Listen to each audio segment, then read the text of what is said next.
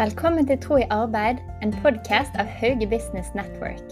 Jeg heter Silje Nordahl Sylta og skal i denne podkasten snakke med kristne i næringslivet og gründere om deres tro og arbeid. Jeg håper at disse samtalene kan være et oppmuntring og inspirasjon for deg. Velkommen til Tro i arbeid-podden, og velkommen til Dagfinn Edvardsen. Takk for det. Veldig kjekt at du er med oss her. Og du driver jo et spennende arbeid. Det er flere grunner til at jeg har spurt deg om å bli med, men du driver et veldig spennende arbeid med et oppstartsselskap som heter Really, så det skal vi gå litt inn på etter hvert. Og så har du en eh, spennende tanker knyttet til tro, så det blir veldig gøy å høre om. Men først så må du fortelle litt eh, hvem du er. Ja. Først eh, veldig gøy å være her. Og så hvem er jeg? Eh, begynner vi med alder? Ja. Ja, 37 år, er gift, har to barn. Og så eh, jeg egentlig en som uh, prøver å ha det gøy, da, innimellom. ja. Hva gjør du når du skal ha det gøy? Jeg er veldig glad i fotball. Lidenskapelig opptatt av fotball. Så da ser jeg en kamp. Kan jeg spørre hvem du heier på? Ja, jeg heier på Leopold, Ja. Så det er veldig gøy. Og så selvfølgelig Brann, da. Men Det er jo en selvfølge for Ja. Bergen. Vi håper jo at det skal bare gå bedre og bedre med Brann. Ja. Og bortsett fra det, så er jeg egentlig en som eh, Jeg er en som er lidenskapelig. Så det jeg går inn i, det liker jeg å gjøre ordentlig. Så for tiden er det mye jobb, da. Ja, det tror jeg på. Ja. Men utdanning, hvor eh, har du noen utdanningsbakgrunn? Vet du hva, eh, jeg har tatt en del eh, økonomi- og ledelsesfag på BI. Og så har jeg tatt noe eiendomsfag. Men jeg har ikke tatt en grad. Og jeg vet jo at jeg hadde en tidligere sjef som heter Terje Gilje, som har vært her. Og han, eh, hørte han sa det her òg, det sa han ofte i Bob òg, at han er en enkel elektriker fra Landås. Så da tenker jeg at jeg får være den enkle tømreren fra Godvik. Eh, Men jeg har tatt noen ledelse- og økonomifag og eiendomsfag etter at det ble tømrer. Når du begynte å ta disse fagene og, og utviklet deg videre, var det sånn du visste at du hadde lyst til å starte noe da? Jeg har faktisk, eh, Det er et veldig godt eh, spørsmål. Interessant. Det er ikke mange som spør om det. Men jeg har eh, gått med et, en, et håp og en drøm om å starte selskap helt siden jeg var liten. Min morfar han drev selskap. Det var en dykkerselskap, og så drev han fiskeri, eller fiskebåt. Og da tenkte jeg at det skulle jeg òg jobbe med. Så du hadde noen sånn gründergener der. Absolutt. Hva var det som tiltrakk deg til å jobbe med det? Jeg liker nok eh, påvirkning eh, og, å kunne ta beslutninger. Det syns jeg alltid har vært artig. Og så tror jeg det går på en skapertrang. Uten at jeg visste det da jeg var liten. Men jeg syns det er gøy å utvikle eh, og skape noe. Ja. Og så tror jeg at jeg liker også å samle folk. Eh, men det er jo kanskje sånn du ikke ser så godt når du er liten. da. Nei, men Du merker jo sikkert at det vokser fram underveis. Ja, initiativrik. Og så har du, jeg nevnte jo det i sted, men dere har startet et selskap som heter Really, som jobber med eiendomstjenester. Hva var det som var visjonen, eller oppstarten her? Eh, visjonen er, kan være grandios, i hvert fall høres sånn ut, men vi skal bli verdens største. Så vi vil bygge noe som skal utenfor Bergen og Norge. Så det er jo sånn, den store visjonen er at vi skal eh, bli et stort selskap. Men det var jo egentlig fra en eh, selvopplevd utfordring og frustrasjon fra eiendomsbransjen. Jeg har jobbet i eiendomsbransjen siden 2005. Eh, Det er mest på forvaltersiden. Og så har jeg opplevd en bransje som, eh, som er veldig manuelt drevet. Det er en stor bransje, Norges største fastlandsnæring. Men det er mange, eh, mye administrasjonstid som vi egentlig må fjerne. Og når du er forholdsvis ung, som 37 år, selv om de på jobben vil si jeg er gammel Så- ja. Så nei, vi har jo ikke helt det heller, men eh, jeg opplever eh, Eller da, da når du ser hvordan ting har endret seg på privatmarked eh, etter mobiltelefon og smarttelefon og egentlig alle disse plattformene for reiseliv, mat hjem på døren, netthandel for klær, eh, reiseapper, eh, så blir det litt sånn Hvorfor gjør vi ting så manuelt i vår bransje der jeg jobber? Eh, og tenkte at dette må vi kunne gjøre på en annen måte. Eh, Så det var egentlig visjonen vår. eh, Skaptes jo ut av en egen frustrasjon. Og visjonen er så enkel at vi skal bli verdens største leverandør av eiendomstjenester uten å levere de selv. Mm. Eh, Og da kobler vi de sammen på en digital flate, så det blir nesten som å tenke Expedia eller Hotels.com, bare i eiendomsbransjen. Ja, så hvis noen eier et bygg og trenger å forvalte det, så kan de gå inn på deres plattform, og så finner de tjenestene de trenger der. Ja. Det er veldig spennende. Hva er det som trigger dere til å ha lyst til å bli stor? Ja, Det er egentlig at uh, man skjønner etter hvert at uh, hvis jeg skal først skal gjøre noe, så har jeg lyst til å gjøre det stort. Uh, og det har flere årsaker. Én er at vi har det er ganske lav margin, det vi holder på å utvikle. Det er høye utviklingskostnader, men vi har lave marginer på hver transaksjon. Og hvis du har lave marginer, så trenger du stort marked, og markedet er ikke stort nok i Norge for våre tjenester. Så det er jo det ene. I hvert fall ikke i Bergen. Og det andre er jo det at eh, har vært med å bygge et eiendomsforvaltningshus i Bergen. Nå har jeg lyst til å se klarer vi å få til noe i et eh, større marked. Så det er i kombinasjon av at vi har behov for det, eh, med sånn som vi har posisjonert vår forretningsmodell, og eh, jeg vet ikke om det er et eget ego, jeg tror ikke jeg vil si det sånn, men jeg har lyst til å påvirke i så stor skala som mulig. Og det er jo, så det, dere trenger det for å være lønnsomme. Ja. Dere trenger flere kunder. Og så er det noe med å, å, ja, noe som trigger deg i å bygge videre og gå, gå lenger. da. Det er jo spennende. Hvorfor er dette arbeidet viktig? Ja, Én ting er jo Jeg kan begynne med hvorfor det er viktig for bransjen. da. Eh, for sånn, hva, hva er det viktig for? Eh, eh, det kommer an på perspektiver. Men hvis vi snakker om bransjen, så er det veldig viktig fordi at jeg nevnte er Norges største fastlandsnæring. Det er en stor næring globalt også. Og så er det store utfordringer. Bransjen totalt sett står for 40 av klimagassutslipp. Så et bærekraftsperspektiv er det veldig viktig. Og så har bransjen noen store utfordringer. Det er historisk lav produktivitetsvekst. Det vil si at eh, ting tar Det blir ikke mer effektivt med digitalisering. Det blir heller det at vi har manglet digitaliserte verktøy i bransjen. Og for at vi skal være en bærekraftig bransje, så trenger vi digitale verktøy. Så det er jo sånn hvorfor det er viktig, det initiativet vårt i sånn bransjeperspektiv, er fordi vi må bli mer produktive, mer, mer effektive. Og så må vi kutte eh, utslipp, da. Og så er det hvorfor det er viktig Jeg har jo et høyere perspektiv også som har med troen å gjøre, og syns jo at det er eh, gøy eh, å ta med eh, Gud og tro inn i også eh, arbeidsplass og visjoner som man har. Ja, hvordan opplever du at troen får en betydning i arbeidet du står i?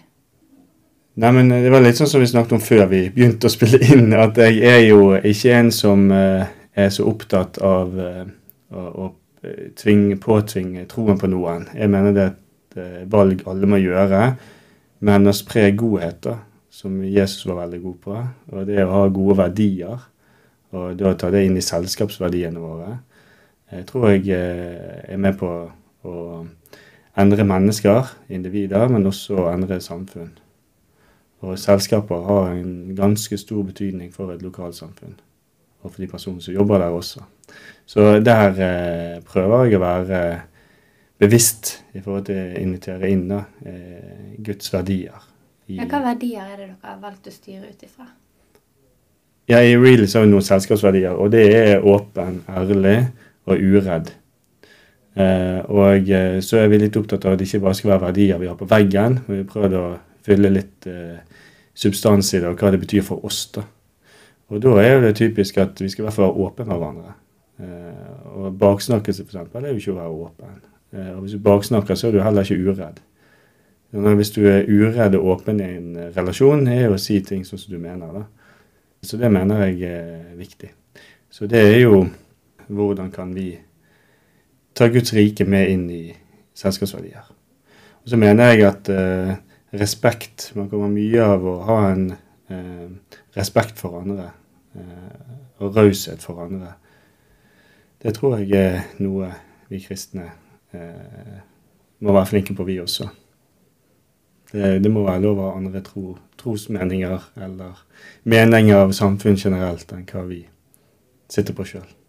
Så det å ha respekt for det samtidig som man er tydelig nok til at eh, å benytte seg av muligheten da, som man har med å være, være en leder i samfunnet, er viktig. Hvordan har du valgt å være tydelig? Altså alle, alle mine relasjoner vet nok at jeg har en personlig tro. Så det er jo eh, Men jeg, ikke, jeg, tar ikke meg sjøl så veldig høytidelig på det. Så de kan tulle med hvis de vil tulle med det. Eh, også når muligheten er der og de lurer, så er jeg ikke, eh, er ikke utfordrende med det. koster lite for meg å være ærlig om det. Da. Og det kan være ganske personlige ting jeg kan dele uten at jeg syns det er høy terskel for det. Men jeg er nok ikke den som eh, strever etter å prøve å formidle for mye uten at relasjonen er varm for det. Da. Så du er litt var på om, om, folk ønsker å høre om tro eller ikke, men alle ja. vet at du er kristen, så de kan komme til deg? Det er riktig. Og så er det litt sånn Hvorfor, eh, når jeg har opplevd selv eh, helbredelse, f.eks., eller jeg har sett folk bli helbredet, eller jeg har opplevd selv, mener sjøl at jeg har opplevd Guds nærvær, så mener jeg hvis jeg har respekt, eller hvis jeg er veldig glad i en person, så er det litt naturlig for meg å dele det. Eh, av kjærlighet til den personen. Men det trenger liksom ikke å gjøre det mer komplisert enn hva det trenger å være. Det kan være å dele en god opplevelse man har hatt. Eh, like godt som man kan dele en god opplevelse man hadde til Anfield og sånn fotballkamp på Liverpool. Sånn du, du, du, må, jeg tror man må gjøre litt mer naturlig å dele gode opplevelser sammen. Eh, og hvis man da har en tro da, som gjør at man kan be for folk som er syke, så har jeg sagt eh, senest forrige uke at jeg skal be for deg. Og det er en eh, som ikke bare får der og da, men som jeg, jeg tar deg med i min, i min bønn. Eh, og det opplever folk setter pris på. da. Opplever du òg troen din får betydningen i arbeidsoppgavene som du står i? Ja. Og så er det av og til jeg tenker hvorfor får ikke jeg mer svar nå? hvorfor, blir ikke det, hvorfor ikke det lettere? Men jeg eh, opplever nå når vi bygger selskap, at det er veldig godt å ha et fundament. Kanskje uten at man tenker på det, men veldig godt å ha en plass å kunne være litt eh, barnlig da, og tenke det at ja, men Gud har sagt han skal være med, så da får han være med her òg, da. Og så leve litt, prøve å koble av og til det rasjonelle litt av, og så tenke at OK, men, men Gud får bære. Så nå når vi har vært igjennom dette selskapet og hentet Kapital, var litt utfordrende med den tiden vi var inne i. Store skift sånn globalt og eksternt utenfor oss som ikke vi kunne påvirke. Så var det godt å ha eh, noe å falle på. da. Eller tenke at ja, men Gud bærer, Gud er med. Ja, for Nå opplevde dere at dere skulle hente en del penger. Og du sa til meg i sted òg at eh, dere har hentet eh, penger flere ganger. At det er to ganger dere har opplevd å stå uten penger. Mm. Hvordan har det vært å stå i? Nei, Det er jo der jeg eh, tror kanskje at, uh, at uh, noe av det du får, da, i hvert fall noen uh, vitner om som tro, troende, er at du bekymrer deg mindre. Og jeg bekymrer meg lite. Det er klart at når vi to ganger er egentlig utviklet på kreditors regning, som man sier, eller på utviklet uten penger, så er det en veldig krevende situasjon å stå i. Men jeg har ikke vært veldig bekymret. Og hvem vet, kanskje det er Gud eller Guds nærvær eller noe som hjelper meg å prøve å i hvert fall være rasjonell i sånne situasjoner. Da. Men eh, vi har hatt eh, to runder der vi har vært eh, tom. Og så spør du hvordan ting går nå, så går det veldig bra. Sånn virkelig bra i selskapet.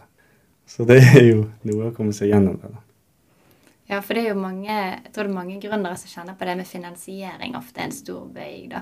Mm. Og på en måte du har, du har, en idé, du har en visjon, du vet du skal forandre noe. Og så er det denne finansieringen man må hente inn. da. Ja, du er, du er jo på en måte en, en selger, da, og så visjonsbærer. Så det er klart at hadde vi endret visjonen Vi kunne fint endret visjonen og sagt at vi skal ikke bli verdens største. Skal bli Norges største, men la oss begynne med å bli Bergens største. Så har du på en måte eh, mistet litt av visjonen. Eh, men du har gjort det lettere, for du trenger mindre kapital. Så det er jo noe med å våge å holde den høyt, da. Men det er jo selvfølgelig ikke to streker under det svaret hva som er riktig. Men jeg, vi har valgt å holde det høyt og si at visjonen endrer vi ikke. Da får vi bare endre måten å komme dit på. Mm. Ja. Men vi fikk inn penger, og nå eh, lever vi fint. I hvert fall i fem måneder til. Hvordan er det det å leve fra halvår til halvår?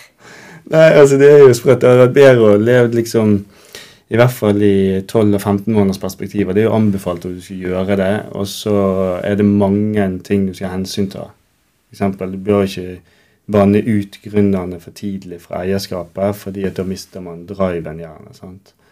Uh, og det, du gjør det mindre attraktivt for senere investorer som gjerne vil investere i noe annet enn store selskap. De vil investere i gründere som er insentivert til å ta det neste steget og skape avkastning for de investorene.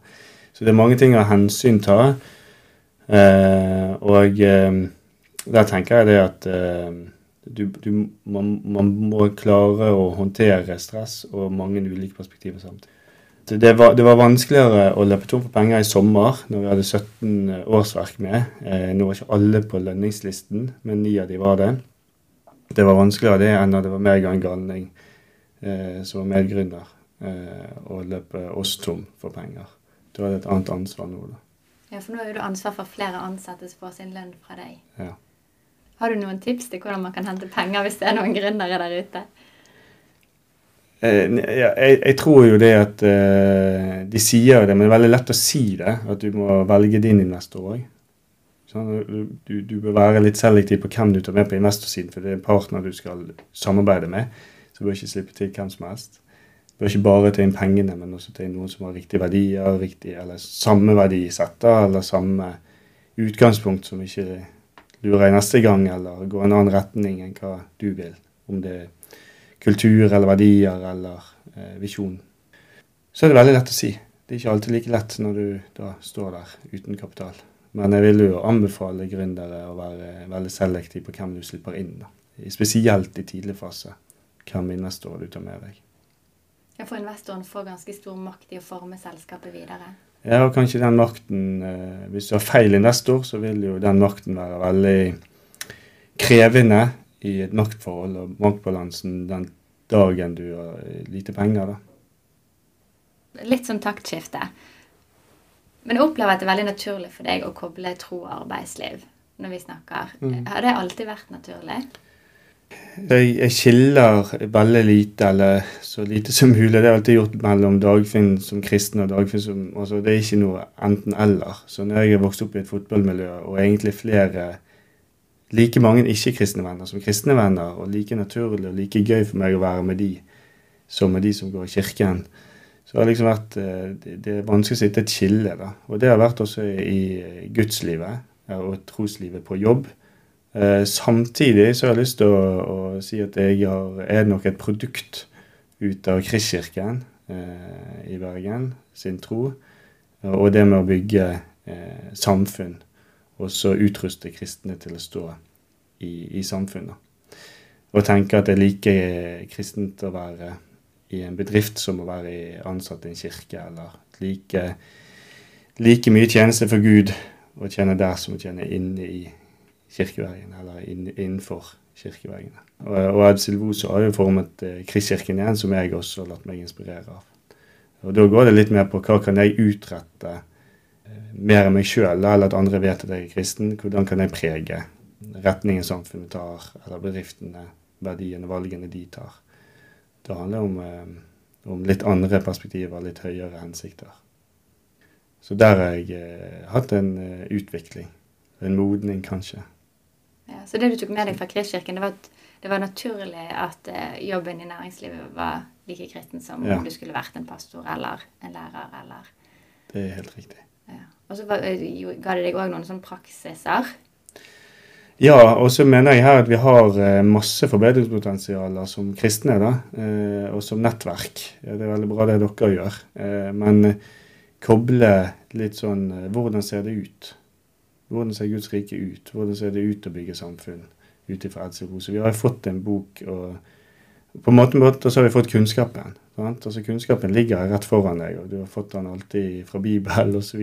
Men kompetansen er når du klarer å anvende det og gjøre det relevant. Eh, og faktisk klarer å, å, gjøre det som står i boken, sånn at eh, eh, det blir en realitet i dine omgivelser. Det er jo kompetanse for meg. Der eh, tror jeg vi har kanskje litt lite eksempler i dag da, på, på hvordan det ser ut. Og Der tror jeg vi strategisk kunne vært litt flinkere som kristne. å koble på hverandre og dele med hverandre. Det er veldig sant. Har du noen flere eksempler fra, fra Really? Eh, på på det med å koble tro og arbeidsliv. Eller få disse bibelske prinsippene til Ja. å bli en del av bedriften. Nei, men jeg tror, eh, jeg, jeg tror det ligger litt i eh, Du tar det med gjerne i tanke, og, og at det blir en del av diskusjonene. Når du har normale diskusjoner, så er du en del av Det er en del av deg. Altså identitet og DNA er en del av deg. Så jeg tror Gud preger uten at jeg må tenke at nå må jeg koble den på, eller nå må jeg koble den av. Det er en del av det som eh, det som er greit for deg, eller hva som ikke er greit for deg. Det er jo gjerne inspirert eller fått næring fra et sted. Så jeg tror jo at eh, Guds rike preger eh, arbeidsplassen i veldig stor grad uten at vi i det hele tatt tenker på det. Så har jeg noen eksempler der eh, noen har sagt det er veldig trygt for meg at du ber. Det er veldig trygt å vite at uh, Gud er med, men jeg tror ikke enda, har de noen sagt. Eller jeg tror, men jeg, jeg er ikke så fanatisk som du er. Skjønner du? Men det er veldig godt for meg at du ber. Det synes jeg Da tenker jeg at ok, da, men da får man en god opplevelse av Gud, og så holder det. Fordi denne fasen. Og så kan de komme enda tettere Gud seinere. Så du opplever at mange er takknemlige for at du ber, selv om de kanskje ikke tror på bønnen, men at de opplever det som en trygghet. Ja, og så har jeg noen som sier det at eh, det er veldig godt å være med noen kristne som, eh, som er kule, da. ja, som ikke velger seg bort hver gang det blir en fest, eller sånn. Som er, kan være naturlig, eh, selv om det er litt, de opplever at de er på bortebane. Skjønner? Å sitte på en fest der til, og, og la folk få lov å ta de valgene, være sånn som de er, uten at man ser feil på de, eller skal irettesette de hele tiden. Der opplever jeg nok at uh, noen i Relog har sagt det at, uh, at uh, jeg har fått et annet eh, bilde på Gud etter jeg ble kjent med deg, men spesielt eh, et annet bilde på kristne etter jeg ble kjent med deg. Og det er jo litt interessant, for da har jeg tenkt at ok, det var ikke først og fremst Gud du sa, men kristne. Så kanskje vi som kristne har en jobb å gjøre da, med å representere Gud bedre.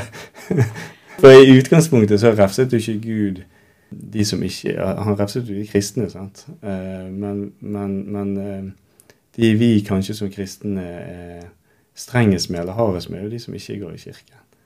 Men Gud hadde en kjemperaushet overfor de. Så her tror jeg vi har noe å lære, og jeg har noe å lære. Det er veldig interessant at du sier når Jesus var her, at han refset jo de kristne som var veldig opptatt av lover og regler, Mm. mens møtte mennesker som ikke trodde, med en enorm kjærlighet og Ja. eh, tilgivelse og forståelse, nesten. Ja, nettopp. Så det er litt interessant sånn i sånn eh, Og der har nok jeg eh, både modnes, men også blitt litt mer Jeg tror jeg er blitt mer raus, jeg. Og så skal ikke du liksom Så jeg skal jo holde fast på det som er viktig for deg, men jeg tror også det at man må la Gud gjøre sitt verk eh, og være den som overbeviser. Men vi kan, eh, vi kan være rause som typer. Og åpne. Skjønner du? Altså åpne som vi har som en av verdiene våre, er jo også åpne for andre. Altså hvorfor eh, Nå er veldig betent tema, ta homofili. Ja, men hvorfor er man homofil? Eh, hva tenker du? sant? Uten at man sier det at jeg tror ikke at eh, Jeg tror det er riktig å være mann, kvinne. Skjønner? Fordi at det er liksom eh, Hvis noen spør deg om hva du mener, så kan du kanskje eh, Da er jeg veldig ærlig med det, men de trenger ikke gå rundt og fortelle alle at jeg mener at dette og dette om veldig betente temaer. Eh, noen har sikkert den nådegaven òg. Jeg opplever ikke at jeg har den. Jeg opplever heller da at eh, hvis de spør, så skal jeg være veldig ærlig med sånne betente temaer. Eh, men det jeg kan gjøre heller, eh, er å vise Guds godhet. Jeg vet ikke hvordan vi har havnet her, men jeg, er nok ikke en som er opptatt av å ta alle kampene. Jeg opplever kanskje noen kristne er litt opptatt av å ta alle kampene, og hva de er for og hva de er imot. Men prøv heller, tenker jeg for min del, å vise det i handling og være nysgjerrig på folk. Eh, være åpne, være raus, være god. Bekrefte. Så det har vært viktig, viktig sikkert både privat, men òg i, i selskapet, hvordan du møter mennesker. Mm. Så nevnte du verdiene som dere følger. Veldig bevisst ut fra verdier. Åpenhet og ærlighet. eh, Veldig viktig. Mm. Det er jo veldig, veldig sterkt. så vi skal være Ta for eksempel eh, Hvis vi som selskap det har vi skrevet, hvis vi som selskap mener at en kunde har bedre av å ikke kjøpe tjenestene gjennom oss, eller kjøpe disse tjenestene, ja, da skal vi si det. Det er å være åpen og ærlig. Selv om vi kunne ønsket den inntekten der og da, så skal vi ha de verdiene. Så verdiene er jo radikale. Eh, og eh, det mener jeg også er litt sånn eh, Kan koble på eller av Gud eller Guds verdier. Men jeg mener i bunn og grunn så er det gode verdier, og det som er godt, kommer fra Gud. Så jeg tenker det med å være radikalt ærlig på hva du som selskap også kan gi av verdi, er noe med å være mer enn å være en kynisme. Da. Så på den måten så kan du prege samfunnet i form av at det ikke bare din egen kake du skal mele. Du skal tjene noe som er bra for et samfunn. Eller for andre. Ja, Så når du har det perspektivet som ikke bare handler om å bygge sitt eget selskap, men du skal tjene sammen, skal påvirke samfunnet godt, så gjør det kanskje at du tar noen litt andre avgjørelser òg? Absolutt. Så tror jeg at eh, på lang, lang, sikt så er det det som kommer til å bære. Og jeg tror at de som eh, tar sånne selskapsverdier, det er de som, de som eh, bygger gode og sunne selskaper. Har du noen sånn konkrete vitnesbyrd fra arbeidsplassen? Ja, det har jeg egentlig. Jeg kan fortelle om, um, om um, Jeg tror dette handler litt om det vi er inne på i sted med å skape uh, en relasjon som skaper trygghet. Uh, og det er da man gjerne får åpninger, eller folk føler uh, tillit til deg, at de kan ta deg til siden og spørre deg om ting som, står, som de sliter veldig med. Og der har jeg en veldig fin historie For når jeg satt uh, jeg, jeg satt i bil sammen med en arbeidskollega, og så sa han det at jeg har lyst til å dele noe med deg som jeg ikke har delt med noen andre tidligere. Men vi sliter med å få barn, eh, sa han eh, kollegaen. da, eh, Og det er veldig vondt for oss. Eh, vi syns det er vanskelig å snakke med folk om det, så det er veldig få som vet det. Eh, men jeg vet jo du tror. Eh, og du har fortalt at du ble frisk. Så kanskje du kan be for den situasjonen. og da ba vi der i bilen. Eh, og eh, han ble jo veldig takknemlig. Og eh, en, vi er ganske tøffe som et tøft kollega Altså, det var jo håndverkere. Så du skal jo ikke vise følelser, men det var ganske tydelige følelser som ble vekket da, hos den personen. og det er en fin situasjon. der du egentlig Hva gjør du? Jo, du viser at du bryr deg, og så viser du godhet. Og det er et sånn konkret eksempel. Og så tror jeg det handler om å ta litt muligheter. Våge å være litt eh, rå, da. Eh, også. Og, og, våge å ta litt risiko for sin egen del. For risikoen er jo at eh, folk tenker at du er eh, annerledes. Så det er jo ikke noe verre som skjer. Så jeg har et eksempel ganske nylig fra en som, eh, som er en del av Relay, som eh, opplever litt tøffe ting om dagen. Eh, og da i sin nære uh, familiesituasjon. Og da spurte jeg eh, kan du sitte litt igjen. Satt vedkommende igjen, og så sa det at du skal bare vite at jeg tenker på deg og, og mannen din. Og det tror jo jeg Og jeg vet ikke om du tror på bønn, sier jeg, men jeg tror på bønn, så jeg ber nå til Vår Herre for denne situasjonen. Og det er jo noe sånn, det er jo ganske ufarlig og det skal ganske mye til for å ta det opp som et negativt budskap. Så denne personen sa jo at uh, det setter jeg pris på, at du tenker på oss. Så det er jo sånne konkrete uh, vitnesbyrd som jeg har. Ja, Så det viser veldig hvordan du kan se mennesker òg.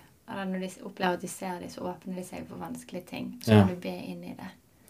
Det er helt riktig. Og så har vi historie fra, fra, det forrige selskapet som var heldig å være en del av, som het eh, Bergen Eiendomsforvaltning, eller BFAS. Der har jo folk i ettertid eh, kommet og sagt at eh, det var annerledes miljø i BFAS. Og vi vet at det var flere som trodde der, i hvert fall lederne. Og vi tror at det har med Gud å gjøre. Uten at eh, vi tror Eller jeg spurte tror du noe. Nei, jeg har ikke fått noe sterkere forhold til Gud.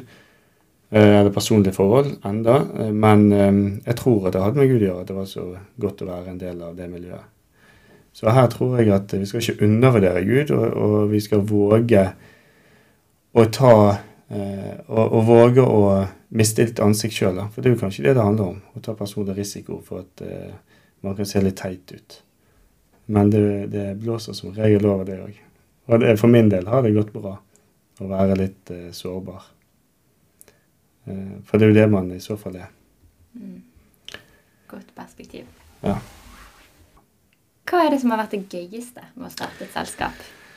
Det spørsmålet får jeg eh, av og til. Og jeg, eh, jeg skal være veldig ærlig, så sa jeg til han Anders som vi var med å starte med, at um, det er jo gøy også. det er Det er lett å ha fokus på utfordringene. ja, og det er litt sånn De fasene Det er ekstremt eh, press og stress, og vi går på en sånn evig tredemølle. Det er mange hundremetere fordi du skal levere og du skal bygge så fort.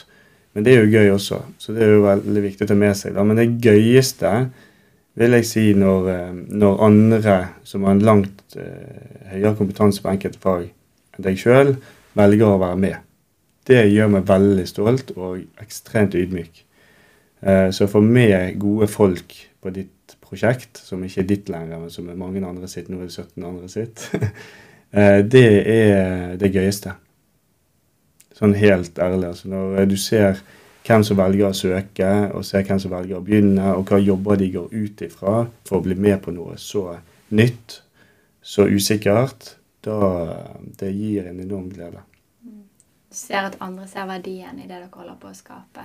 Ja, som egentlig så er det en enorm sånn eh, anerkjennelse. At de blir med. Så det betyr jo noe at de eh, også våger å tro på deg, da. Så som, eh, den, eh, som gründer så er det noe av det som, som, det veld, som gir veldig mye motivasjon. Nå er vi kommet litt videre til sånn tro i arbeid-lærdommer, har jeg valgt å kalle det. Og da lurer jeg på, Har du hatt noen fellesskap eller vennskap som har vært viktig for deg eh, knyttet til både kristen tro og jobb? Ja, jeg har det. Eh, samtidig så har jeg ikke noe sånn eh, Jeg er nok ikke den som eh, Jeg har noe forbedringspotensial i forhold til å sitte i system. og være eh, på en måte Jeg er nok en bedre eh, prosjektutvikler en prosjektleder som egenskaper, og det kommer også her. At jeg er nok ikke den som er flink til å strukturere de relasjonene rundt meg, sånn at det blir jevnlig. da. Men jeg har jo noen i, i Ja, Så du har ikke sånn en eh, samtale Nei, fast i uken nei, jeg har ikke en det. Og det har jeg jo aldri hatt. Nei. Nei. Men jeg burde nok hatt det. Men det er nok litt uh, mine mindre gode egenskaper at jeg er ikke så strukturert uh, på sånne ting. da. Eh, men jeg har jo noen forbilder som har latt meg inspirere av. En av de jobber du tett med. Arne syns jeg er kjempeinteressant eh, som type. Men også er veldig flink til å gjøre ting eh, aktuelt, og veldig flink til å dra det sine historier og fortelle de. da. Så Arne er jo kjempeinteressant. Og lært mye av uten at jeg har hatt altfor mange én-til-én-samtaler. Så har jeg eh, hatt eh, inspirasjon av å snakke med han. Terje Gilje syns jeg var interessant å jobbe med. Eh, og jeg syns jo også det var eh, det inspirerende den reisen han har hatt i arbeidslivet. Så, så får hans tak være mitt gulv. ja, så vi tror vi skal våge å ha disse forbildene uten at man eh, overvurderer de heller. Altså, de har gått et stykke. Det er lettere for oss å gå forbi de. Og så får vi håpe at andre ser etter hvert at det er lettere å gå forbi oss igjen.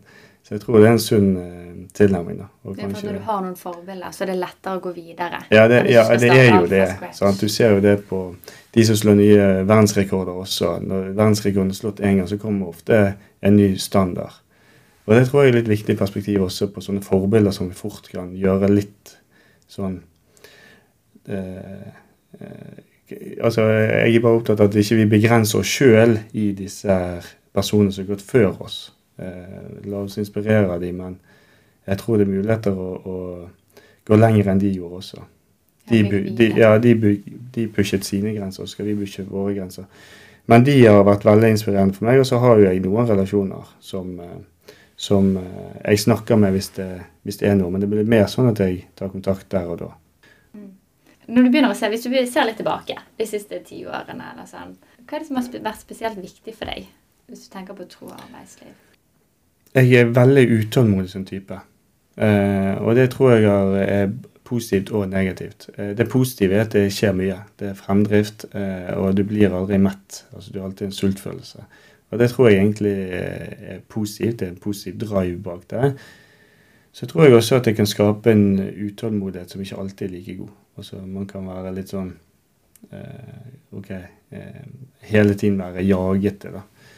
Og i troslivet også så tror jeg at man kan eh, av og til tidligere overvurdert hva man, hvor synlige ting skal være. på en måte sånn.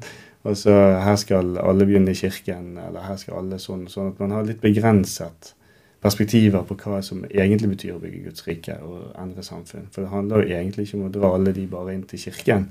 Det handler jo egentlig om å endre, endre standarder. Eh, som f.eks. hvordan er bedriftsetikken i en, i en by? Eh, hvordan er samarbeidsklimaet eh, mellom konkurrenter på selskapsnivå? Så der tror jeg at jeg tidligere kan latt meg stresse eller være utålmodig i at alt skal skje så fort, og jeg skal se synlige ting med en gang, som egentlig skaper en, et stresselement og noe uoppnåelig. Det er interessant det du sier om at det ikke handler om å få folk til bare til å komme til kirken, men det handler om hvordan vi kan være med å bygge samfunnet der òg. Mm. Samarbeidsklima og Da er vi kommet til siste spørsmål, og det er hva ønsker du at lytterne først, først og fremst skal sitte igjen med etter denne samtalen? Jeg ønsker at uh, uh, folk skal tenke at Gud er med. Uh, Gud er med uten at man trenger å be for syke på jobben. Men Gud er med, og så bare være litt mer avslappet kanskje i det enn hva man I hvert fall jeg har tenkt tidligere. Det tror jeg kan være litt sånn forløsende. Og så eh, litt sånn ta og tenk og utfordre seg sjøl på at eh, hvordan kan jeg prege mest mulig. Og det er gjerne i, i lederposisjoner eller i styrer, eh, for det er der man kan ta disse litt større valgene som preger et helt selskap eller eh, preger en, et samfunn. Så jeg for min del har jo egentlig ikke noe på, på utdanning, du spurte om det, som tilsier at jeg skal ha den posisjonen jeg har nå. Men jeg tror at en, en kombinasjon av galskap, vilje og pågangsmot gjør til at man kan komme i gode posisjoner. Altså, ja. Og ta ansvar. Mm. Ja. Tørre å ta posisjon. Det er bra. Tusen takk, Dagfinn, for at du var med her i dag. Mm.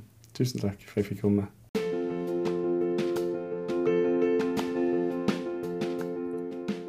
Takk for at du lytter til Tro i arbeid-podkasten. Hvis du likte innholdet, så må du gjerne dele det videre. Og Hauge Business Network vi blir alltid glad for nye medlemmer og samarbeidspartnere, så sjekk oss gjerne ut på Facebook eller nettsiden haugebusiness.no. Gud velsigne deg og arbeidet ditt.